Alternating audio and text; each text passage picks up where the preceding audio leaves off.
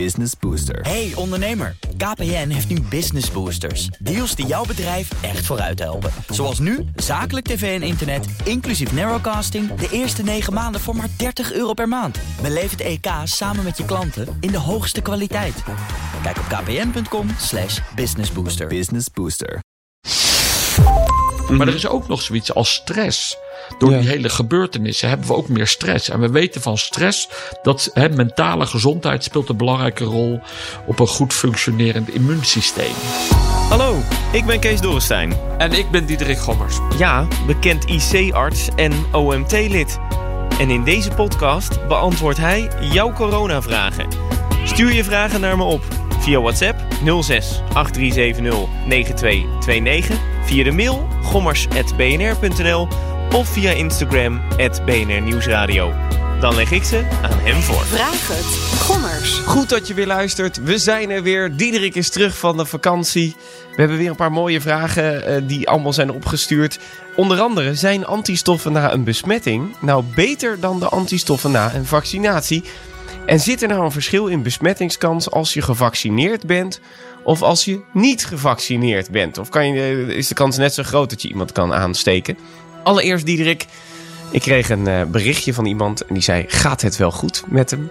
Want je hebt de vorige keer niet gevraagd: Hoe gaat het met je? En ik be- begin elke podcast met: Hoe gaat het met je? Nou, het gaat eigenlijk Dus- hartstikke goed. dat ik ben net op vakantie geweest. gedaan, eh. ik ben eh, twee weken naar Marseille geweest. Was heerlijk. Leuk, wat is dat voor stad? Ja, dat is echt een beetje een havenstad. Maar daar is helemaal geen zware industrie. Maar daar komen heel veel veerboten naar Corsica en naar Noord-Afrika. Het is er is ook een mooie jachthaven in de binnen. Aan de kant, want ligt dus aan de Medi- eh, Middellandse Zee.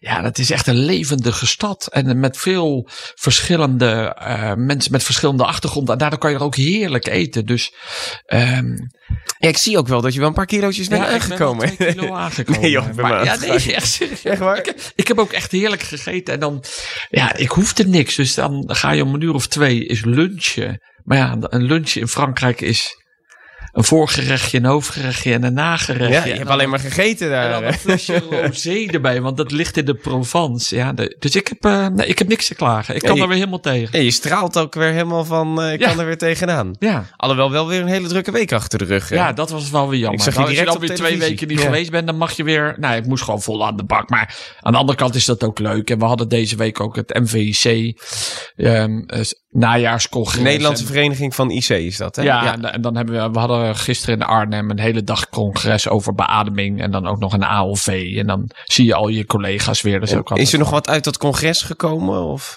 nou ja, we, we- wel hoe belangrijk beademen is en hoe lastig het is. En dat we daar toch wel bepaalde ontwikkelingen in zijn. Maar dat we ook veel geleerd hebben in de tijd van de COVID. Maar dat we ook nog steeds veel niet weten eigenlijk. Dat is toch eigenlijk ook wel confronterend.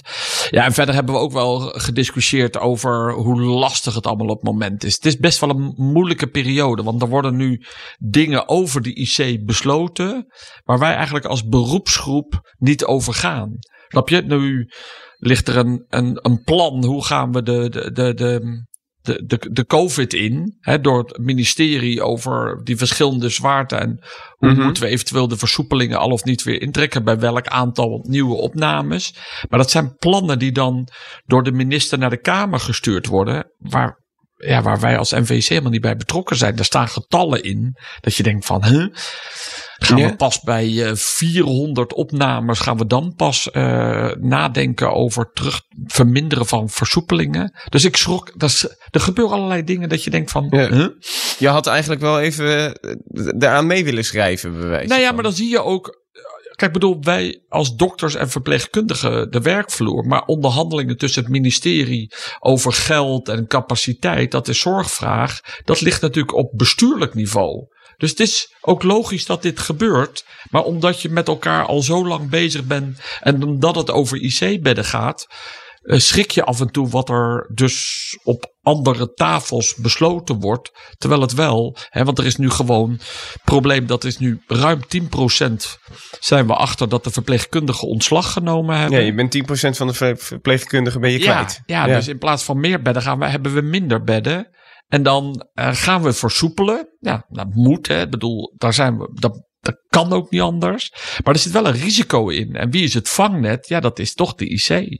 Um, maar we hebben minder personeel. En als je dan hoort van ja, we moeten wel rekening houden dat bepaalde bedrijven, als ze om 12 uur s'nachts gecompenseerd worden, ja, die verpleegkundigen en de dokters worden helemaal nog niet gecompenseerd. Nee. Dus ik, de, nou ja, dat soort dingen, dan denk ik, oh jee jongens, ik ben weer terug.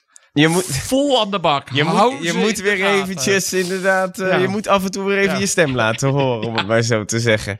Nou ja, zullen we de vragen erbij pakken? We gaan het weer Heel lekker over, over corona en alles in de breedte daarover hebben. Ehm, vorige aflevering hadden we trouwens over het Janssen-vaccin. Of er nou al onderzoek naar was gedaan of je een tweede prik moest hebben. En ja, dat wisten wij op dat punt niet. Daar zijn wat reacties op gekomen.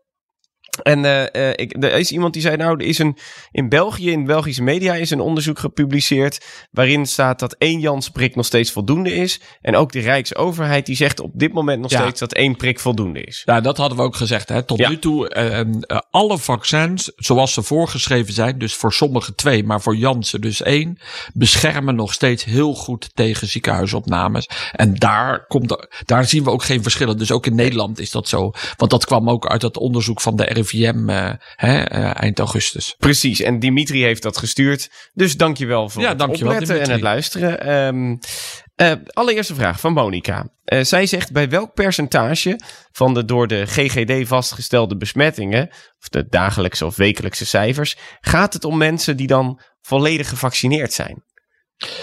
Ja, ik heb niet absoluut het getal, want dat, hè, bedoel, daar, ehm, ik, ehm, nu wordt dat beetje bij elkaar gebracht. En ik Mhm. heb niet de laatste getallen in mijn hoofd zitten wat de eh, RIVM heeft gepubliceerd. Maar die zijn wel, die kun je wel inzien. Mhm. Maar het is maar een heel klein percentage wat echt volledig gevaccineerd is. Maar het is niet nul. En dat is wel wat we nu een beetje anders zien. Ja, we hadden van- gehoopt met dubbele vaccinatie dat je eigenlijk hè, dat je geen positieve PCR meer zou hebben. Mhm. Maar ja, je ziet nu wel dat je doorbraakinfecties hebt. Dat wisten we dat dat eraan zat te komen. We hoopten dat dat minimaal zou zijn. Maar die zie je dus wel. Dus je ziet nu mensen die volledig gevaccineerd zijn, kunnen soms het virus bij zich dragen zonder symptomen, maar ze kunnen er ook ziek van zijn. En als ze dan zich laten testen bij de GGD, is de PCR-test positief. Mhm. En dat is ook wel een dingetje. Eh, en daar was van de week ook nog discussie over. Want in België zeggen ze dan: ja, maar als je PCR-test positief is, dan ontnemen we je hè, je groene QR-code Ja, voor ik weet niet meer precies hoeveel dagen. En Nederland zegt op dit moment: nee, dat gaan we nog niet veranderen, snap je? Want je bent dan eigenlijk besmettelijk, want je hebt een positieve PCR. Ehm, maar we willen op dit moment hebben we nog geen aanpassing over de QR-codes in Nederland. nee, we weten dus niet van, van die mensen die dan besmet zijn in die cijfers van eh, hoeveel procent daadwerkelijk ehm, eh, dubbel gevaccineerd is. Of, Ja, dat is nog.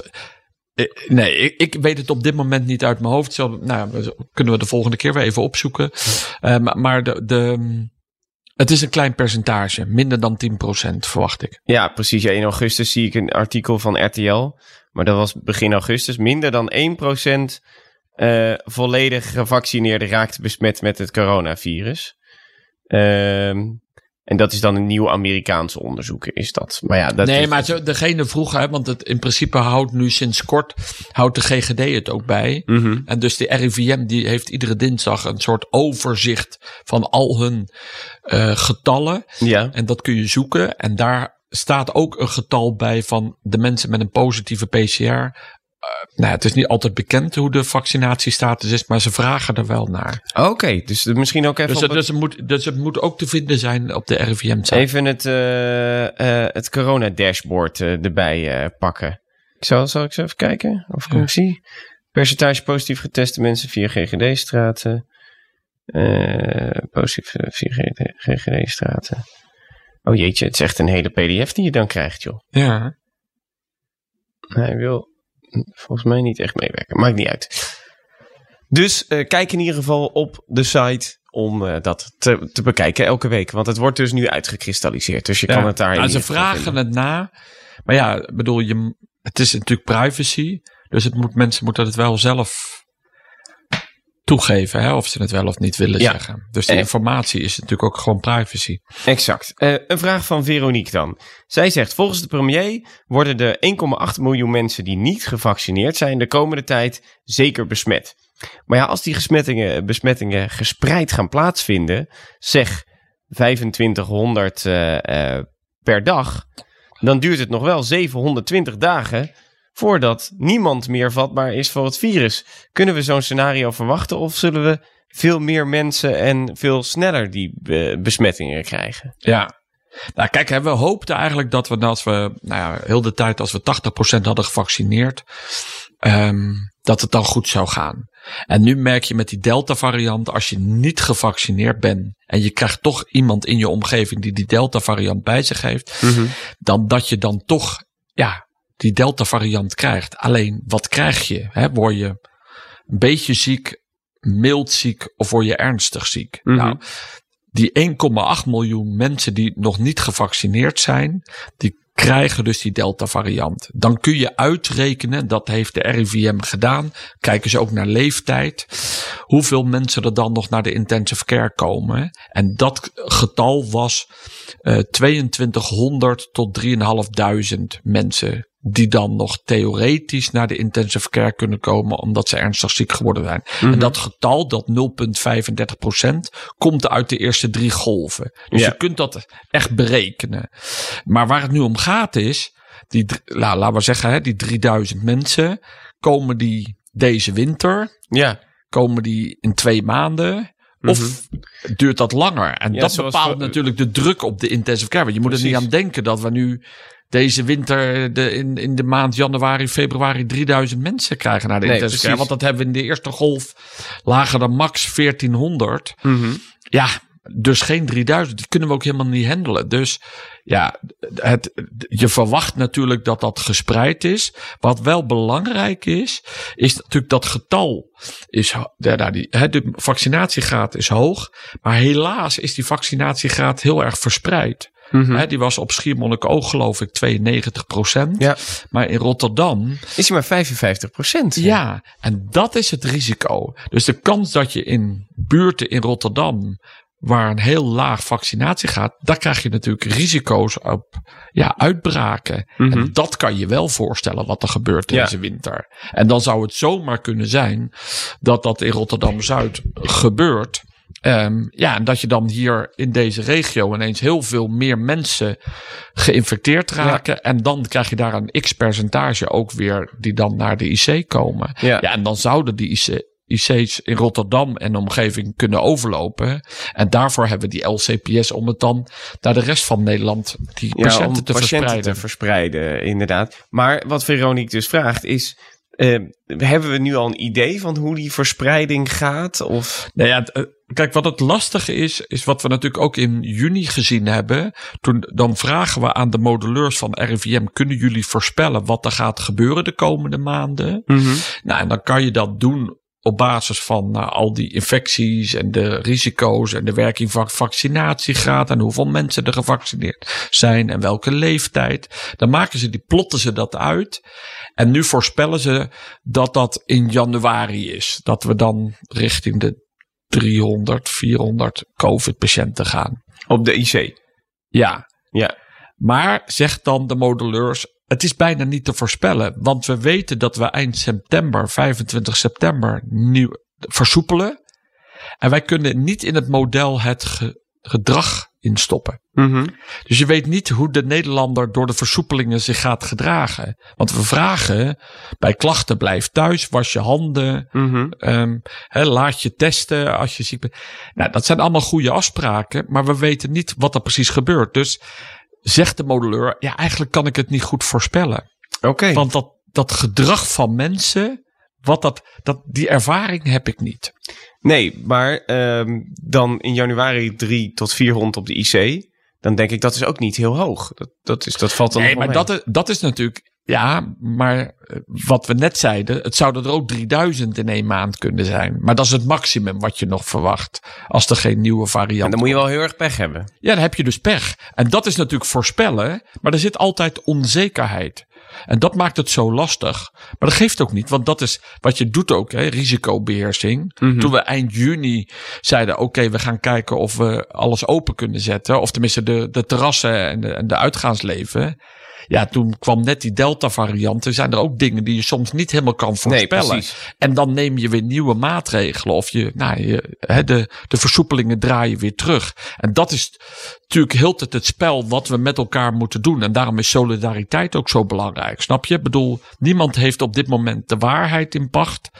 Niemand kan precies zeggen wat er de komende maanden gaat gebeuren. Maar we weten wel wat de risico's zijn. Nou, die risico's die moet je met elkaar dragen. En uiteindelijk het demissionair kabinet, ja, die moet risicoafwegingen doen. En, en die nemen besluiten. En ja, ja, voor de intensive care is het. Nou ja, ik heb het eh, vroeger gezegd en ik zou het niet meer zo vaak zeggen, maar het, de komende winter is best spannend. Ja, het is precies. Dus het even kijken van, omdat we het op dit moment het gedrag dus nog niet kunnen voorspellen. Ehm Marieke en Monika die vragen zich af, hoeveel kans heb je op een besmetting als je gevaccineerd bent? En is die kans even groot of kleiner dan als je geen vaccin hebt gehad? Ja, er is geen percentage op te plakken. Want we hebben nu net al gezegd van als je nu volledig gevaccineerd bent, kun je wel het virus krijgen. En het virus kan Mhm. zich even vermenigvuldigen. Dat geeft klachten of soms een beetje klachten. Maar je wordt er niet ernstig ziek van. Hè, want dat heeft de RIVM-onderzoek laten zijn dat je voor 97% beschermd bent. Maar Ja. 97 is ook weer geen 100. Mhm. Hè, dus 3% van de 12 miljoen mensen die volledig gevaccineerd zijn, kunnen toch wel ernstig ziek worden. En als je dat in getallen gaat uitrekenen, is dat best een groot getal in absolute aantallen. En dat zie je ook af en toe op de social media. Dat je natuurlijk toch een, ja, iemand zegt: Ja, jongens, maar ik was volledig gevaccineerd. Maar ik, mijn vader of moeder of vriend of vriendin ligt toch heel ernstig ziek op de IC. Maar dat komt omdat nooit iets 100% is. Alleen, we zijn heel blij dat het hoog is, 97%. Maar als je niet gevaccineerd bent, heb je een hogere kans om geïnfecteerd te raken. En als je wel gevaccineerd hebt, is het duidelijk minder. ja. Maar het is niet nul. En hoe, hoeveel hoger is die kans dan? Ja, dan gaat de- de ene studie laat zeggen dat je vijf keer meer kans hebt om infectieus te worden bij als je niet gevaccineerd bent dingen. Maar dat hangt heel erg van de situatie af en hoe die vaccinatie gaat en hoeveel die Delta variant voorkomt. Ja. Ik, eh, we zijn natuurlijk vooral geïnteresseerd in de Nederlandse situatie. En daar is er geen harde getallen op te plakken. Nee, maar het is wel duidelijker dus dat op het moment dat je niet gevaccineerd bent, eh, dat, je, dat je wel een grotere kans hebt om Ja, je besmet hebt te een raken. heel beduidelijke grotere kans om besmet te raken. En dus eventueel ook ernstig ziek te zijn. Maar bij het vaccin is het duidelijk minder, Maar niet nul. maar niet nul. Nee, precies. En ja, da- dan, dan denk ik ook, even de uitleg, waarom heb je dan een hogere kans als je niet gevaccineerd bent? Als je gevaccineerd bent, eh, kan het zijn dat je antistoffen alsnog lekker snel actief worden. Dus dan, eh, dan word je niet besmet. Dan wordt dat virus eigenlijk al eh, doodgemaakt op het moment dat, dat je ermee in aanraking komt. Maar bij sommige mensen duurt het wat langer voordat die antistoffen gaan werken. En daardoor eh, kan je dus wel besmet raken. Ja, Ja. en de afweer hebben we al eens eerder gezegd, is heel complex. Hè? Want we hebben het heel tijd over die antistoffen. Maar dat noemen we met een duur woord de humorale afweer. Maar je hebt ook nog de cellulaire afweer. Dat zijn je T-cellen, die geheugencellen. Precies. En die zijn bij alle vaccins heel goed. Ehm, en, en dus dat spel van afweer is ook een lastige. Want Ja. we weten eigenlijk. Ja, Ja, en als je geen vaccin hebt, heb je geen afweer. Dus dan is de kans groter dat je besmet eh, raakt. ja. en dan, dan, moet de natuurlijke afweer moet op gang komen. En dat, en dat duurt even. En dat is ook van mens tot mens weer verschillend. Michel en Tom die hebben een beetje dezelfde vraag. Met dezelfde strekking. Die zeggen over die corona-app. Die vanaf de 25ste verplicht is voor veel locaties. Eh, je mag met de app ergens naar binnen als je gevaccineerd, genezen of getest bent. Maar de kans dat iemand met een vaccinatie of iemand die genezen is toch corona heeft, zonder klachten, ehm, lijkt groter dan iemand die net een PCR-test heeft gedaan. Klopt dit? En waarom moet iedereen dan niet een PCR-test doen? Want eigenlijk is een beetje de strekking. ehm, kijk, als je gevaccineerd bent, is het een tijdje geleden. Of je bent genezen, is het een tijdje geleden. Die PCR-test heb je vlak voordat je ergens naartoe gaat gedaan. Dus van Ja. die mensen kan je echt wel redelijk zeker zeggen, die hebben niks. En eh, misschien loopt er wel iemand die gevaccineerd is, die gewoon zo naar binnen mag met, eh, met klachten rond zonder dat hij het door heeft. Of in ieder Ja, geval met heel slim van hem, want hij heeft wel gelijk. Ehm, en, en uiteindelijk, als je, kijk, als je naar het individu kijkt, kan het dus zijn, als je volledig gevaccineerd bent, kan je dus toch asymptomatisch zijn en kan je wel het virus bij, ze, bij je hebben. En dan ga je naar een uitgaan situatie of naar een festival. En dan zou jij een van de verspreiders kunnen zijn. Ja. Maar dat is risicobeheersing. Mhm. De kans dat jij dat hebt is kleiner dan als je niet gevaccineerd bent. Mhm. Maar het is niet nul. En om nou iedereen, als die naar een festival of naar een terras of restaurant, eerst een PCR-test te laten halen. Ja, daar is van besloten, ja, dat is toch te moeilijk. Dat kunnen we niet organiseren. Mhm. Dus er is, als je het safer zou willen doen, veiliger zou willen doen, zou je liefst van iedereen een PCR-uitslag willen hebben van de afgelopen 24 uur. Ook van mensen die gevaccineerd is. Dat, dat is eigenlijk het mooiste systeem. Maar heel arbeidsintensief. En dan moet je continu naar die GGD-testlocaties. En nu is er gezegd, ja oké, we nemen een bepaald risico. Ja, dan kiezen we ervoor dat als je gevaccineerd bent en een groene QR-code hebt, dat je wel naar binnen mag. Ja, dus gewoon inderdaad Maar dat kan- betekent dus ook kansberekening. Ja. Ja. en hoe belangrijk het is dat als je wel klachten hebt, ook al ben je volledig gevaccineerd, dat je die avond dan niet gaat stappen. Nee, dat je dan misschien wel even een test doet. Ja, dan kun je beter een test doen. Ja, precies. Want dat, dat zegt Tom dan. Die zegt, ja, het is eigenlijk een beetje gek. Dan hebben we mensen die ervoor kiezen om zich niet te laten vaccineren. En die doen een test en die gaan naar de kroeg. Maar die kunnen dus aangestoken worden door de mensen die gevaccineerd zijn. En dus kunnen zij alsnog ziek worden. Ja, ja nee, absoluut. Precies, dit Ja. is het. En ja, bijna onbegrijpelijk, maar dit, dit is wel wat er nu gewoon speelt. Ja, nou, het is dus een kansberekening eh, Ja. dingetje. En misschien om iedereen te laten testen, dat is misschien ook wel heel veel werk, denk ik dan. Ja, dat is gewoon niet meer haalbaar, toch? Ik bedoel, dat is gewoon niet haalbaar dat als iedereen die een keer weer naar een terras of restaurant of Mhm. uit wil gaan, allemaal PCR-test gaan laten doen, dat is onhaalbaar. Ja. Ivo, Corina en Dennis. eh, die komen met iets eh, opvallends. Eh, die hebben ook een linkje meegestuurd naar het onderzoek. Die heb ik ook even naar jou gestuurd. Ehm, en daar zeggen ze in een artikel van HP De Tijd wordt gesproken over een onderzoek waaruit zou blijken dat antistoffen door een coronabesmetting beter zouden zijn dan antistoffen van een vaccin. Is dat zo? Ja, dus een, eh, in dat artikel worden ook heel veel immunologen aangehaald. Hè, dat zijn experts van de afweer. Ehm, en het is natuurlijk eigenlijk altijd al zo dat we zeggen: ja, eigenlijk is je eigen afweer op een vreemd stofje wat je in je lichaam krijgt, lees een virus, is eigenlijk de eigen afweer is het mooiste. Want dat is een complex geheel en dat is beter dan door een vaccin. Want door een vaccin, in ons geval, maken we eiwitten. En daar maak je dan antistoffen tegen die bepaalde eiwitten. En we hebben het net over gehad, je maakt antistoffen en je hebt die cellulaire afweer.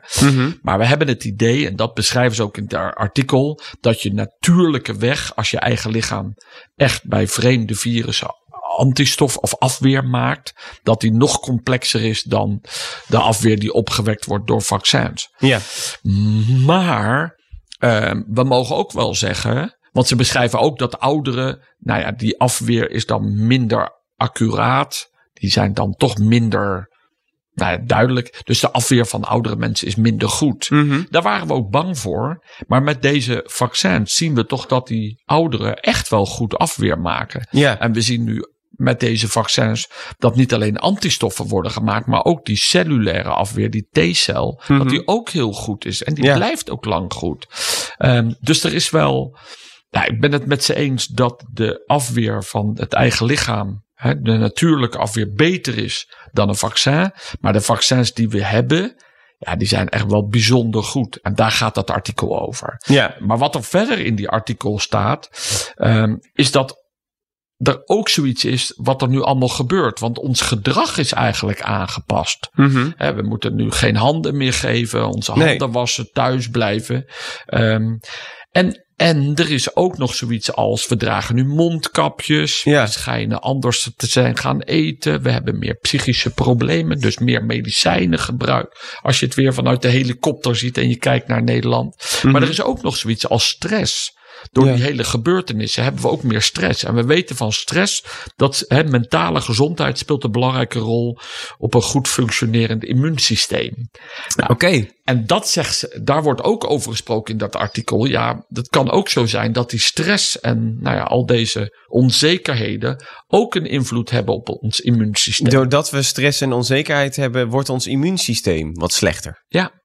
Nou, en dat kennen we. En dat, dat is ook zo. Alleen we hebben het nu niet nou, massaal gemeten bij de COVID-periode. Dus misschien komt er een onderzoek aan dat ze Ja. dat zouden kunnen vergelijken. Als dat ooit in het verleden ook gebeurd is, dat je dat zou Mhm. kunnen vergelijken. Maar daar, er is wel zoiets van, ja jongens, en dat moet je dan gaan afwachten. Heeft ons veranderde gedrag, heeft dat nou invloed op het totale afweer? Want we Ja. kennen dat, hè, we hebben het vorige keer wel eens een keer over gehad van kinderen. Sommige moeders zeggen van, oh, mijn kind mag niet dat of mag niet in de zandbak. Nee, precies, maar maar dan... dan bouwen ze ook minder afweer eh, op. Precies. En dat is natuurlijk een beetje nu. Kijk, ja, wij komen altijd verkoudheidsvirussen tegen. Mhm. Ja, daar bouwen we afweer af. Als we ons nu anders gaan gedragen en we hebben mondkapjes, hebben we dan minder afweer ook tegen andere virussen. En dus Ja. dat zag je nu een beetje in de zomer gebeuren bij die kinderen. Er ineens was een veel grotere uitbraak van RS-virussen. Ja. En dan wordt er ook gezegd, ja, komt dat omdat je de afgelopen tijd minder in aanraking ermee bent gekomen, zodat het veel meer geleidelijk eh, Ja. een soort van de antistoffen zijn opgebouwd. Maar die kinderen hebben dat dus nog niet en dus krijgen ze het in En dat keer. is nu ook een beetje waar we bang zijn. En daarom schrijf ook in die modellen met die modellering. of dat influenza, dus griep, het komende winterseizoen. misschien iets heftiger is dan het afgelopen jaar. Want we hadden de afgelopen jaar bij, in de winter bijna geen griep. Nee, Eigenlijk niks. Precies. Maar het kan dus zo zijn dat er een En dan, kan, en dan weten komt. we uit het verleden van de experts. Ik ben Mhm. geen expert. Die zeggen dan nou. Maar dan is het vaak zo dat het jaar erop griep heftiger is. Maar het kan ook zo zijn, omdat ons gedrag zo veranderd is.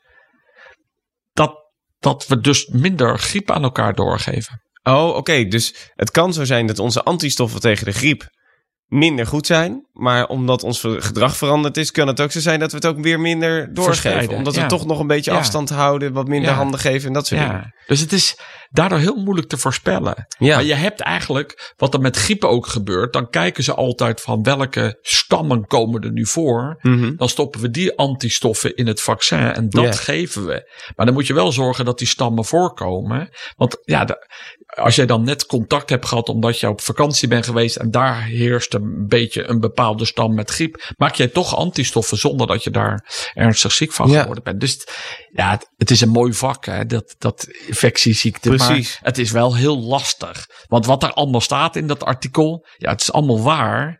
Ja. Maar ja, Maar erg, en je, je, Ergens- kan er, je kan er geen duidelijke conclusie aan Nee, je trekken, omdat het een beetje te dit erg is dan wisselt. de maatregel. Of Nee. we gaan helemaal niet meer vaccineren. Want we laten iedereen, nou ja, dit of dat. Nou, u- uiteindelijk de conclusie is dus... Oké, onze echte eigen antistoffen zijn beter, want die zijn complexer. Maar wat je dan zegt, eh, ouderen maken minder goed antistoffen aan. En juist met zo'n vaccin maken ze... nou, dan bleek hè, de, de Pfizer-vaccins. Daarom waren we ook, dat de, vooral de ouderen, we waren echt verrast dat het Pfizer-vaccin zo goede antistoffen op, eh, opriep. En daarom zijn we het vooral aan die ouderen gaan geven. Eh, terwijl we in het begin dachten, die ouderen, dat zal wel een lastig discussie worden. Ja, dan zegt Jan Willem hier nog als een reactie op... eh, van een besmetting krijg je dus ook antistoffen en geheugencellen. Waarom is die dan korter geldig als je eigenlijk betere antistoffen krijgt? Ja, Want die is Ja. maar een half jaar geldig, hè? Een, eh, Ja, ik heb, ik, heb daar, ik heb daar een opmerking over gemaakt in het OMT. Of ze daarnaar willen kijken, want dat klopt niet. Mhm. Eh, Snap je? Ik bedoel, ja, dat hebben ze gedaan voor de zekerheid. Maar Ja. we hebben er nu last van. Ja, Want de, eh, het is nog maar de vraag. Ik denk ook, ik ben het met hem eens. Ik denk dat je op, als je na- op natuurlijke weg antistoffen hebt gemaakt tegen COVID, omdat je goed genoeg ziek was. Ja, dan moet dat net zo goed werken als tegen een vaccin. Ja. Alleen in het begin zagen we wel dat de, als je minder ziek werd van de COVID, dat je mindere afweerreactie had. Dus niet zo hoog in je antistoffen zat. Maar als je goed ziek was, dat je meer antistoffen hebt. Ik denk dat die regel daar een beetje van gekomen is. Ja, maar dan zou je bewijzen van moeten zeggen: oké, stel jij hebt natuurlijke antistoffen. Dan zou je eigenlijk een antistoffentest moeten doen bij die mensen. En als daaruit blijkt, oké, ze hebben er genoeg opgebouwd.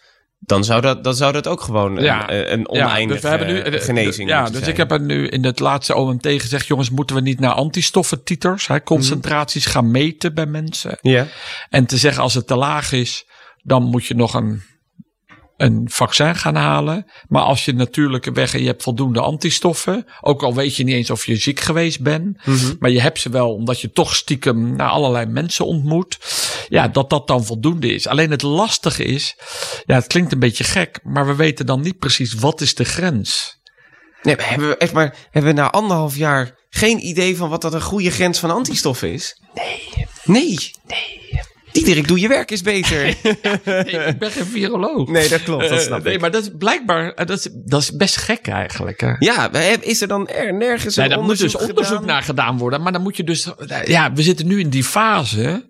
Maar dan moet je dus eigenlijk een goede studie zeggen van oké, we zagen nu, deze mensen hadden deze antistoffen, titer, boven de 50. Mhm. En daar werd niemand ziek van. En onder de 50 werden zoveel mensen toch ziek. Ja. Maar dan moet je echt een goede studie doen. Dus je moet wel weer onderzoek doen om dan te zeggen, ja, eh, dit is de grens. Want je kan het dus meten, maar je moet wel tegen die mensen zeggen, ja, u zit aan de goede kant of aan de slechte Ja, kant. precies. Zodat je niet zomaar, eh, als het met een natte vinger zegt, nou, ga maar nog een vaccin Ja, halen. nee, maar dan heb je het met niks Nee, aan. precies. Maar dan kan je het ook duidelijk zeggen van, je hebt het wel gehad, maar je hebt er te weinig goeds aan overgehouden, dus een vaccin is aan te raden. Ja. Wat dat betreft. En Ja. anders kan je tegen Ja. die mensen zeggen, jij krijgt nu gewoon een QR-code die ook blijft gelden. En niet dat je na een half jaar in één keer weer moet gaan testen, terwijl je hartstikke ziek bent Nee. geweest en heel veel Nee, nee, dus er, op, op dit moment ontbreekt data eh, en de RIVM ging hiermee aan de slag. Heb je zelf een vraag? Nou, dan kan je die natuurlijk gewoon eventjes whatsappen naar mijn nummer. Die hoor je aan het begin van de aflevering. Kan je me gewoon een appje sturen.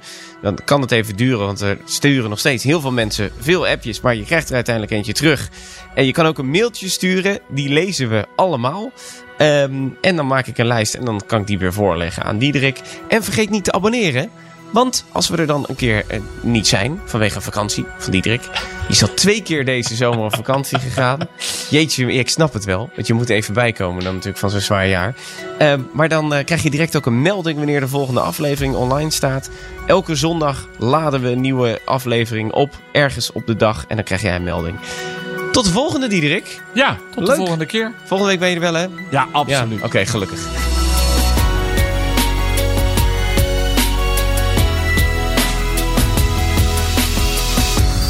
Vraag het. Gommers. Gommers. Hardlopen, dat is goed voor je. En Nationale Nederlanden helpt je daar graag bij. Bijvoorbeeld met onze digitale NN Running Coach... die antwoord geeft op al je hardloopvragen. Dus, kom ook in beweging. Onze support heb je. Kijk op nn.nl slash hardlopen.